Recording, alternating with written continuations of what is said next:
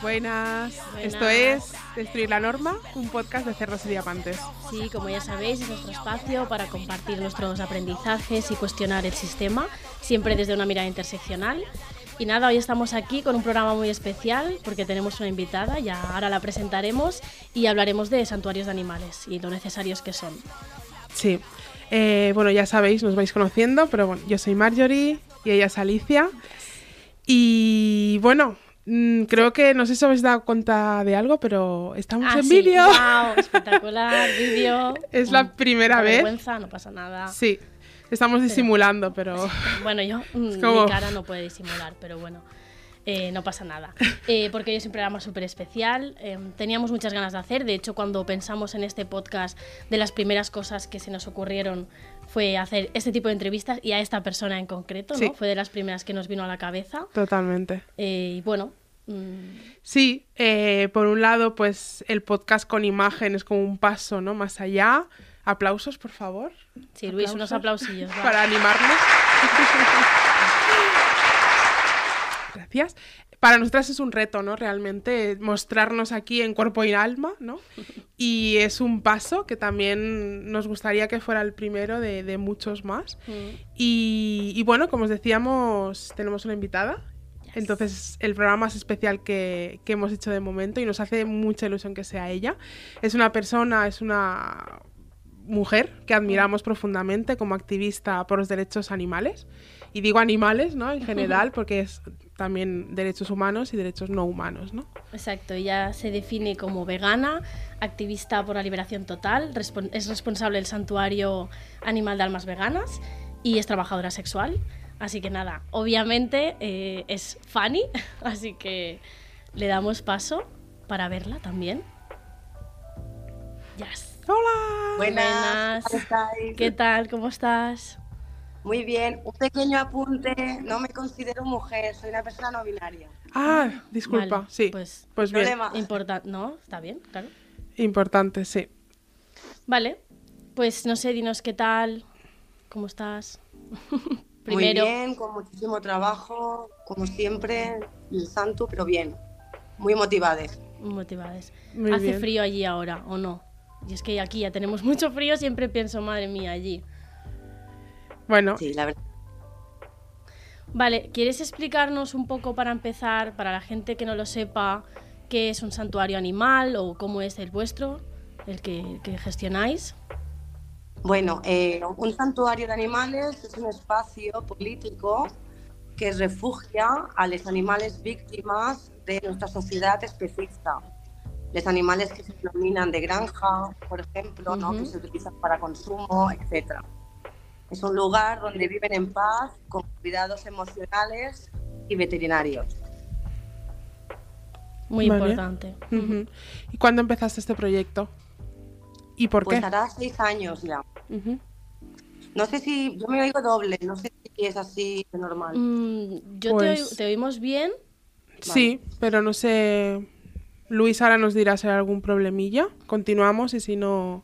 Sí, si te molesta mucho, pues podemos ver cómo lo hacemos. Vale, es lo que llaman en la tele el retorno, ¿no? No sé. pero ni idea. Ya nos dirá a ver si, si hay no es problema. nuestro caso. Y bueno, ¿por qué iniciaste este proyecto de almas veganas? Sí, cuéntanos un poco qué te llevó, ¿no? A esto.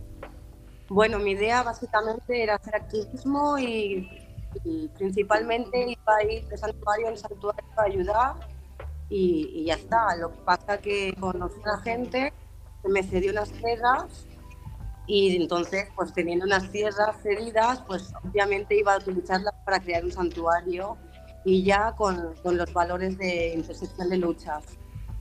Vale. Al final no estuvimos en esas tierras, pero realmente fue lo que, que marcó la decisión de empezar el santuario.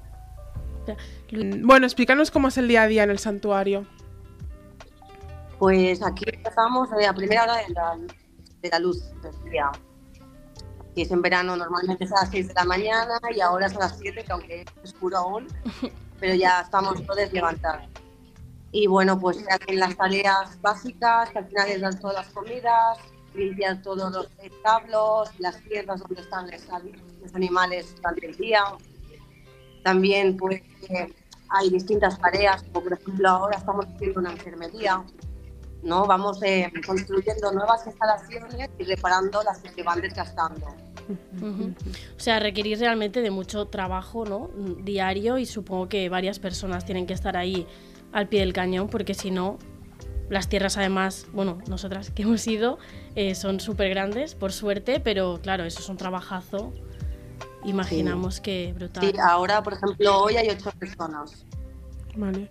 El voluntariado es muy importante para todos los santuarios. Claro, y que vaya fluyendo, ¿no? La gente, porque imagino que no se quedan mucho tiempo algunos, o sí, no sé, cuéntanos un poco qué es lo más... Hay un poquito de todo. Eh, lo más común es que se queden un par de semanas. También es depende de la gente, pues eh, la disponibilidad que tengan por sus trabajos, sus vidas, etcétera, ¿no? Pero también hay gente que se queda de larga estancia, un par de meses, etcétera. Vale. Pero si nos viene gente de todo el mundo. Ya, sí, eso es súper guay. Es como que llegamos a esa gente, aunque siempre somos pocos, pero bueno. Sí. ¿Y cuáles dirías que son las necesidades básicas o prioritarias del santuario a día de hoy? Al igual que todos los santuarios, más soporte. Yo creo firmemente que no, los santuarios no tienen el soporte real que deberíamos tener. Más aporte presencial, ¿no? de gente que venga a hacer voluntariado y económico también. Vale, ¿qué, maneras tenemos? ¿Qué maneras tenemos de, de ayudar a los santos? Dando likes, vaya tontería, pero los seguidores, al final las redes sociales es una herramienta que utilizamos actualmente todos, ¿no? Y la visibilidad y el apoyo en redes sociales es vital para que tengamos más visibilidad y podamos llegar a más gente que quiera eh, cambiar su forma de ver mm, la relación que tenemos con los animales que entienda nuestra labor, que comprenda lo que hacemos y que nos dé este, este soporte que tanto necesitamos para seguir salvando más vidas. Claro, sí, las redes son súper importantes, aunque bueno, también hay mucho... Un poquito lo que estábamos hablando, y hablamos de santuarios de animales. Los santuarios, a diferencia de, en general, la gente yo creo que no sabe lo que es un santuario, ¿no? Por eso lo queríamos traer aquí, porque no es como una protectora de animales, ¿no? Porque en general la visión que tenemos de las protectoras de animales, como aquí que hay en Tarragona o Reus o tal, pues es sobre todo perros y gatos, ¿no? Sobre todo perros. Perrigatistas. Sí, y... Y entonces son esas protectoras para adoptar, ¿no? O sea, es otra movida. Un santuario es donde hay animales de todo tipo de especies. Son normalmente los animales considerados de granjas, que han sido rescatados y por fin pueden vivir em, en semilibertad, ¿no? En un espacio donde no se les va a explotar, ¿no? Como recursos, ¿no? Claro, Eso es un los animales... Em, los perros y los gatos son mejor valorados y por lo tanto mm, cuentan con más ayuda en general, mm. incluso de, ayuntamientos, ¿no? con las colonias y demás, pero también hay más protectoras, más gente preocupada, pero ya los animales, ¿no? Eh, que, utilizamos para el consumo, para todo tipo de consumo, eso sí, así que no... Y son de los que se encargan principalmente pues, los santos, ¿no? Por sí. suerte.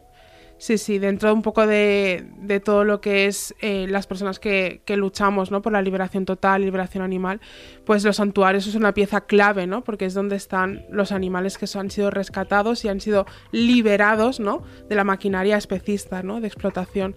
No sé si ya no sé, nos oyes, Fanny. ¿Nos oyes? No nos oyes. ¿Te oímos? No. La verdad es que el santuario, lógicamente, no está en medio de la ciudad, sino que está en medio de la montaña y, posiblemente por esta razón tenemos algún problema de conexión. Pero bueno, ya nos ha contado bastantes cosas. Eh, vamos a ver si podemos recuperarla y si no, pues con lo que nos ha contado os podemos explicar un poquito más. Nosotras conocemos de primera mano tampoco diría, pero bueno, hemos estado allí una vez solo y en algún otro santuario también que conocemos. Y bueno, lo que, os de, lo que os decíamos, ¿no? Es un espacio normalmente pues liberado en ese sentido, libre de, explotación animal. Y donde los animales son tratados como lo que son, ¿no? Personas. que eso trae bastante controversia. En nuestro Instagram tenemos un vídeo dedicado a ello. Pero bueno, es lo que son. Obviamente, si nos basamos en las definiciones clásicas, típicas de la RAE, por ejemplo, sí. pues no. Eh, pero si tenemos todo en cuenta la consideración que sí que veo que tenemos a Fanny, otra vez. A ver, a ver si podemos. ¿Nos oyes? habla tú, a, ver si, te a ver si te oímos. Hola. Sí. Bien. bueno, estábamos explicando, Fanny, que, que, los animales en los santuarios son tratados como personas, ¿no? Y que esto puede, de alguna manera, hay mucha gente que dice, va a ver, ¿qué dices? Pero claro, si no son personas, ¿qué son, no?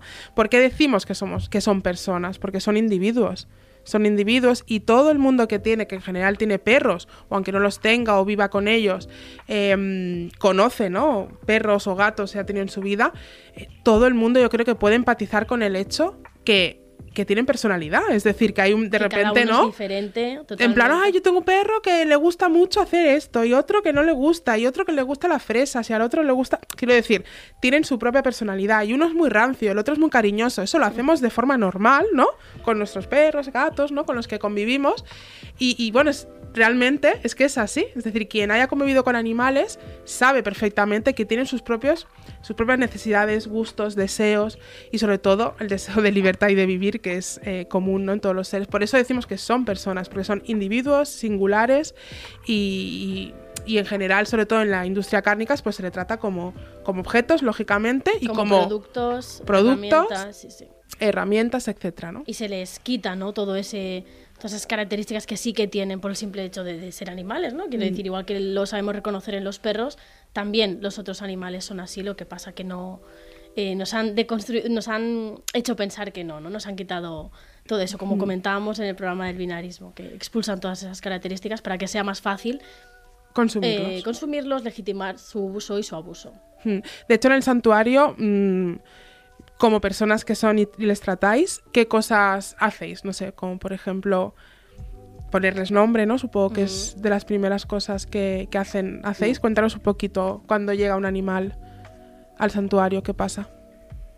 Bueno, depende de mucho de la situación, del tipo de rescate, del tipo de, de, persona, ¿no? Al final, porque al final pues son personas de otras especies con su propia forma de ser, de sentir y de razonar y según lo que hayan sufrido por nuestra especie, pues em, hacemos unas cosas u otras, ¿no? Sobre todo darles el, margen y el respeto que necesitan, ¿no? Em, por ejemplo, hay animales que se ven muy fácilmente que necesitan, que exigen cariño, atención.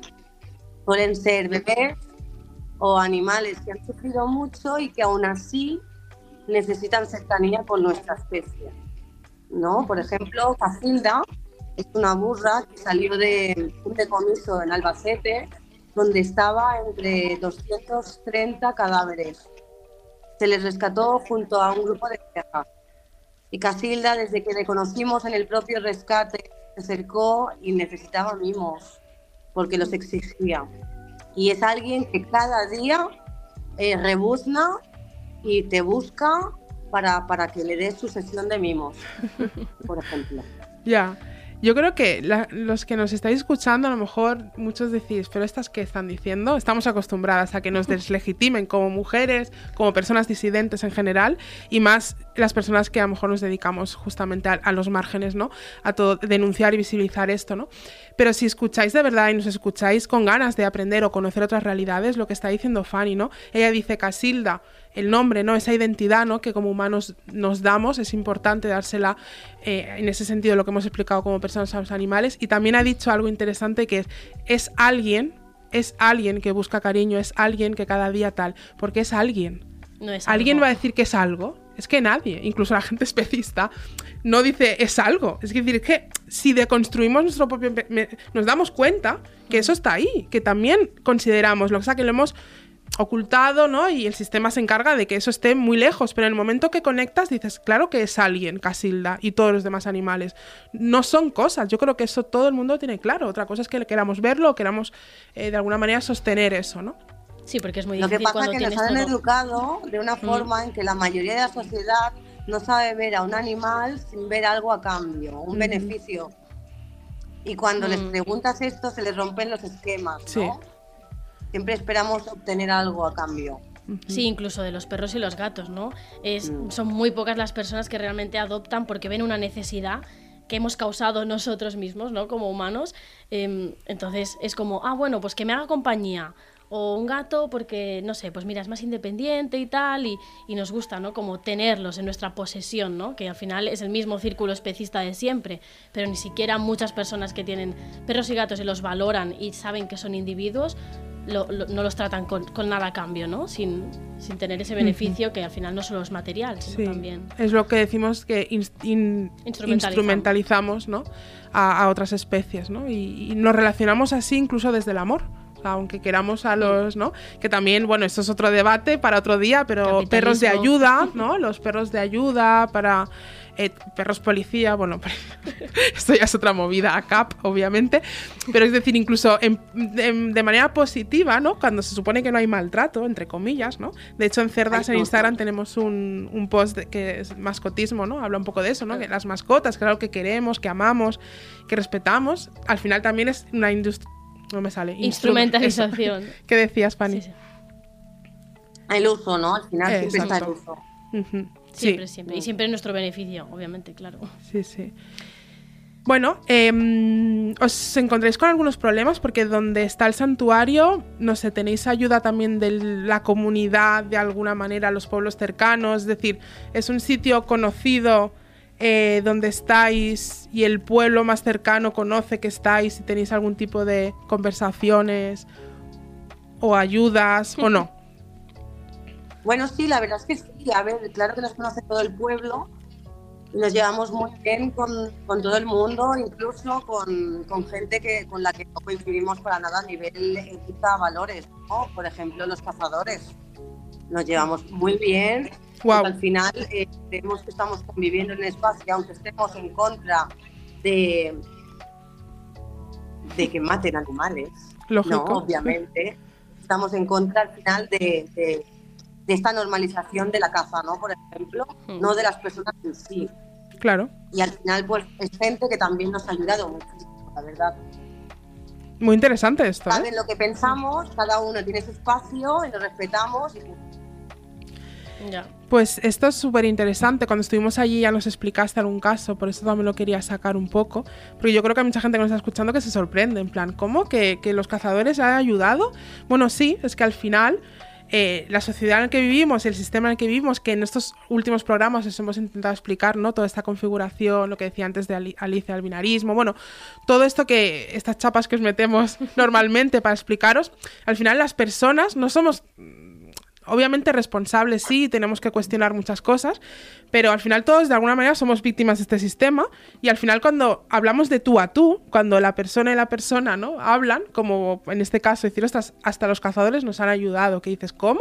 Bueno, porque de alguna manera sobrevolamos el hecho, ¿no? A lo mejor que nos ha llevado a cada una a lo que hacemos en nuestra vida y nos unimos por, por, el hecho de pues la comunidad, de ayudarnos, de que juntos somos más fuertes, es decir, eso que llevamos dentro todos, yo creo, que la colectividad, el, hablar con las personas y desde el movimiento vegano y desde otros movimientos no disidentes, muchas veces nos culpan de, y sobre todo desde el movimiento animalista, ¿no? De que no nos gustan las personas, que odiamos a las personas, que les estamos dejando de margen a las personas, solo nos fijamos en los animales. Sí, sí, y que odiamos a los, o sea, y no es que odiemos a los cazadores, sino la caza, tú lo has dicho bien. Y obviamente hay muchos cazadores que serán lo peor, y, pero igual que hay muchos animalistas que lo son. Es decir, aquí no va de buenas y malas personas. No es una cuestión moral. No de repente las veganas somos todas buenas y los cazadores son todos malos. No es una cuestión moral, es una cuestión política, es una cuestión social, de cómo hemos llegado a eso. Y ostras, vamos a sentarnos todos a ayudarnos y a hablar y a cuestionar cosas, ¿no? Sí, Marjorie ha sacado un poco eh, movimiento vegano, ¿no? Que ha dicho en ahora lo que decía. ¿Qué, qué opinas o qué opinas? No. Mm, ¿Cómo está, está ayudando realmente el movimiento vegano, que es el que se supone que tiene como sujeto político los animales y debería ayudar a los santos? Sabemos que no, tu cara, pero explícanos por qué no, ¿no? ¿Qué, ¿Qué, está pasando? ¿Cuáles son las problemáticas que nos estamos viendo con esta capitalización de, del concepto vegano? Y dinos, explícanos. A mí me da mucha pena, la verdad, y me da mucha tristeza. Y, bueno, pues intentamos desde Almas visibilizar esta problemática que visibilizamos desde Almas, repito, pero que todos los santuarios, os confirmo, eh, creen que está pasando esto, porque es que una realidad que se puede ver eh, observando las redes sociales. Yo creo que hay una decadencia muy grande de este movimiento que antes era más eh, ruidoso, había más activismo, más, más compromiso con la lucha y ahora para mí es más tan-based que no movimiento vegan, por así decirlo. Porque hay mucha gente que deja de oprimir y está genial, pero se queda con eso. Entonces no es suficiente. Y no para nosotros, las humanas, sino para los animales.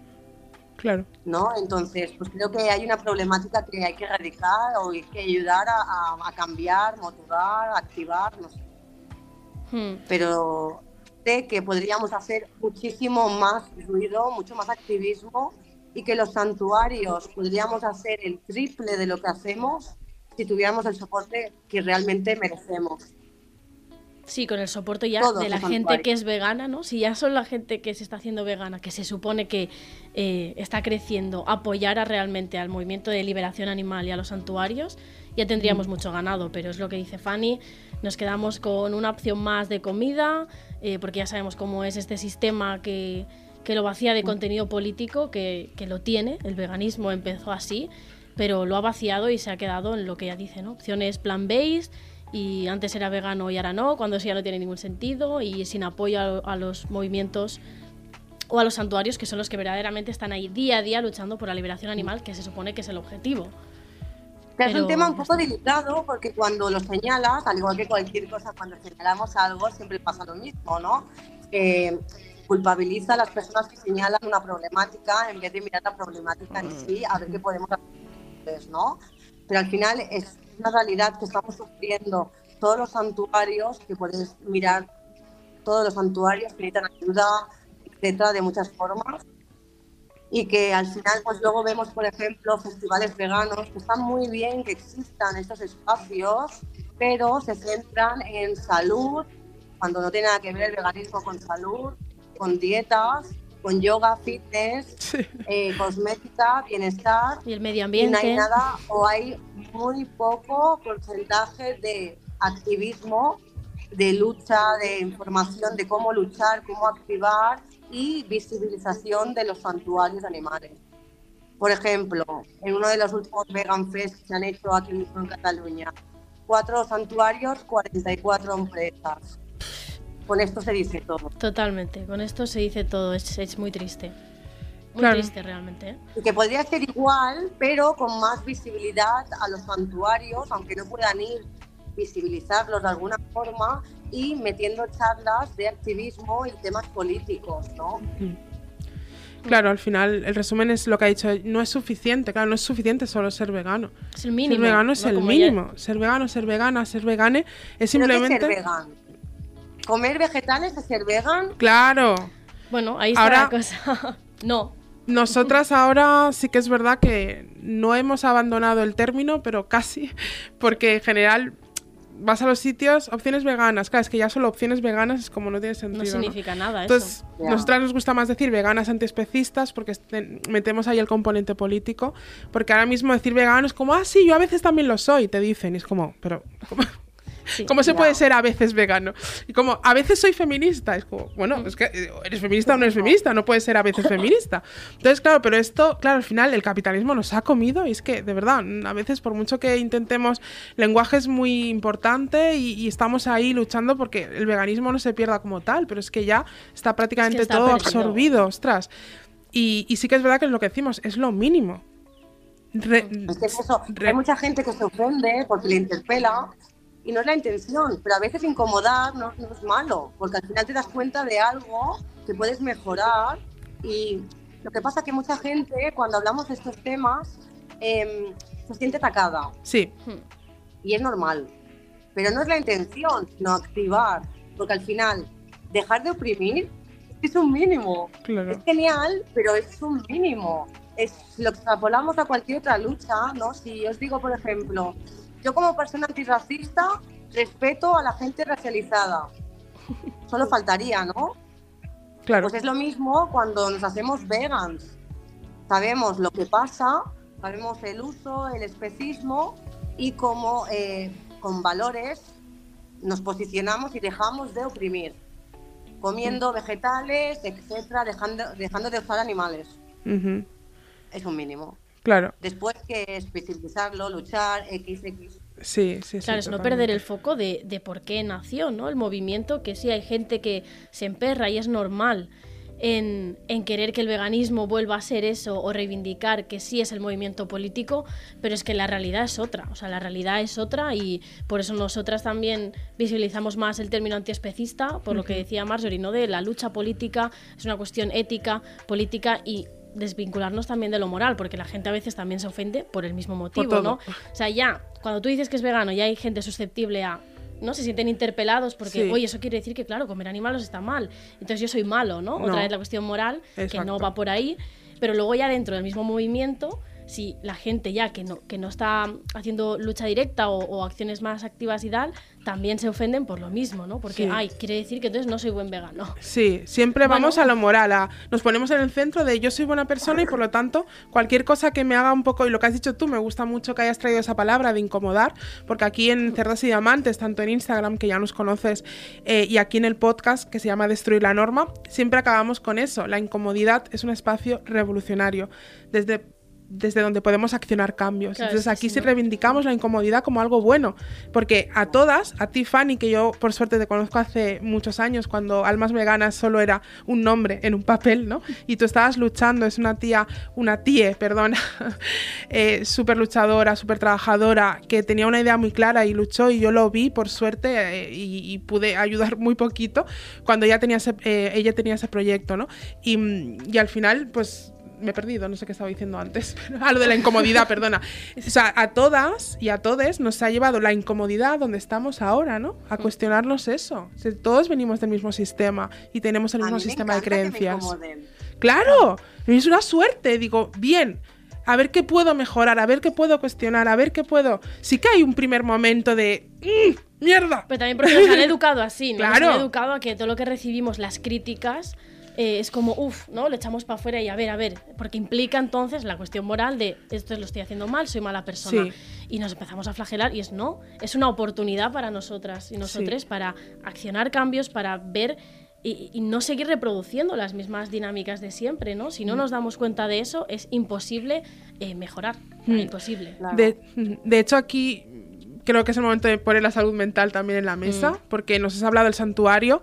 Físicamente es un trabajo durísimo, os levantáis muy pronto, estáis todo el día trabajando y esto es 24/7. De repente no es que el sábado, ah, pues fiesta, hoy los animales no comen y no, es 24/7. Dedicar tu Exacto. vida a ello. Y es algo físico, pero lógicamente también es mental. Cuéntanos un poquito qué implicaciones hay. a nivel emocional en todos los santuarios. Porque todos vamos súper colapsadas.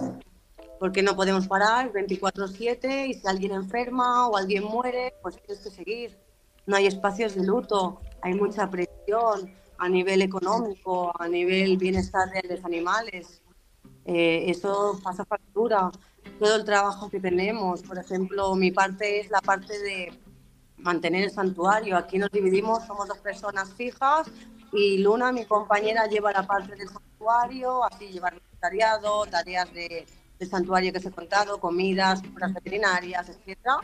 Todo esto que es muchísimo trabajo y yo por mi parte llevo la parte económica, la parte externa, la economía, impresión digital, mi trabajo personal, también trabajo limpiando campos, X, ¿no? Entonces, pues como que vamos muy colapsadas a nivel emocional y, y, bueno, tanto físico, ¿no? Y, y sentimental, ¿no? También. Pero bueno, sobre todo también nos quema mucho porque nos sentimos soles. Y esto nos pasa. Yo tengo un grupo de soporte emocional de entre santuarios, porque necesitamos ese soporte emocional, de que alguien que te entienda igual, porque vive lo mismo, te pueda dar ánimos. Es muy importante para mí, por ejemplo, ¿no? Claro. Porque estamos realmente igual y poca gente nos puede entender Claro. a este nivel, ¿no? De saturación, de, de soledad, porque como lo que hemos hablado antes del movimiento, a nosotros nos afecta directamente. A veces creo que tenemos más lucha con la gente que ya es consciente con la que, que con la que no. La de dentro. Mm. Porque la que no lo es, no lo es. Pero la gente que es consciente y no ayuda, ¿qué hacemos? Mm. ¿No? Entonces, pues hay mucha soledad en torno a los santuarios. Importante. Sí. Tenemos que ir acabando. Nos encanta hablar contigo y ojalá. Muchas gracias por, por, por venir. Por esperar. Sobre todo, gracias por lo que haces. em, desde nuestro espacio y lo que hacemos intentamos echar una mano. Y, mm, y, esto es una de las cosas, aunque no es la más importante, también lo es, ¿no? Visibilizar y, y, dar espacios en ese sentido. No sé si quieres decir algo más, alguna reflexión final o lo que quieras y nos despedimos. Vale. Bueno, pues sí, por supuesto, siempre motivar. Muchísimas gracias a vosotros por este espacio, por dar visibilidad a los santuarios. Os deseo muchísima fuerza, siendo conscientes de que la gente que somos disidentes, las mujeres y disidencias, siempre lo tenemos más difícil pero, pero que con el apoyo mutuo y con perseverancia se consigue todo. Y que creo firmemente en que el movimiento puede volver a reactivarse y puede dar muchísimo más de lo que estamos haciendo. Así que pues ahí... Totalmente. Esperamos que sí, la verdad. Gracias, Fanny. Muchas gracias sí. por conectarte. Nos vemos. Un besito para ti y para todos. Un beso para todas y todes. Chao. Bueno. Pues nada, sí. Pues nada, mucho amor para almas veganas. Eh, os y para invitamos. Nosotros también santuarios, sí, porque. Por supuesto. Bueno, nosotras sí que estamos a lo mejor más conectadas, porque además también tenemos una madrinada. Tenemos una madrina de. A Pombito. Pombo. Eh, bueno, Pombito. Pombito era antes, ahora es Pombazo. Pombo. Da, Pombazo. da igual. O sea, es Pombo es un cerdo. Es un cerdo de los considerados. Bueno, de, De los rositas, consumo. ¿no? de los rositas. Rescatado. Exacto, entonces estamos como más conectadas también porque Marjorie conocía antes a Fanny, pero vaya que todos los santuarios, como ha dicho ella, em, están igual, todos necesitan nuestra ayuda y sobre todo el movimiento vegano que se ponga las pilas ya. Sí, sí, sí. Eh, os invitamos a que les sigáis en redes, Almas Veganas, que veáis el trabajo que hacen y veáis cómo los animales se comportan como Exacto. nosotras mm, vemos como los perros, ¿no? Es decir, ostras, parecen perros jugando, parecen perros eh, demandando comida o demandando cariñitos. Bueno, no parecen perros, es que los mamíferos sobre todo nos comportamos igual. De hecho, es súper importante, como ella ha dicho, lo de redes sociales, porque parece que sea solo que, que, no tenga como implicaciones, pero yo recuerdo en mi proceso hacia el veganismo que fue vital conocer eh, un santuario, fue por Sí. redes, no, no, el santuario Gaia, y me acuerdo de ver los animales, ¿no? A mi madre también le pasó lo mismo, eh, ver los animales, eh, cómo se comportaban Sí. y los vínculos que generaban, y, y eso fue como, wow, Sí. no, no es lo que nos han contado. No, de hecho, es que aquí culturalmente, o sea, no comemos perros. Y de hecho, bueno, que esto es tema para otro día, ¿no? Que en otros sitios coman perros nos parece algo. ¡Uf! ¿No? De hecho, hay campañas. Inmoral, no puede ser. inmoral, son unos salvajes. Bueno, ellos, ¿no? Son exacto, salvajes, ellos. nosotros no. no, es decir, esto yo creo que lo tenemos muy claro y es una suerte que aquí culturalmente tengamos muy claro que no nos comemos a los perros y que veamos tan mal que otras culturas y otros sitios sí lo hagan. Ostras, cojamos esto y vayamos más allá, ampliemos ese foco. ¿Por qué no nos comemos a nuestros perros? Porque, ¿cómo vamos a hacer eso si, si son personas? Porque lo hemos entendido, pues entendámoslo también Pues, con los demás y ampliemos la consideración moral. Ampliemos, exacto. Os dejamos con eso, con esta Sí. incomodidad de ampliar esa consideración moral, por lo menos cuestionároslo. Y terminamos aquí este programa tan especial. Lo sentimos por las complicaciones técnicas, Sí, pero drama, primer la primera primer vez. drama. Lo siento mucho, vale, lo he intentado. Bueno, mm, pero bueno, es la primera vez. Espero que nos perdonéis y hasta la próxima. Sí. Gracias. chao.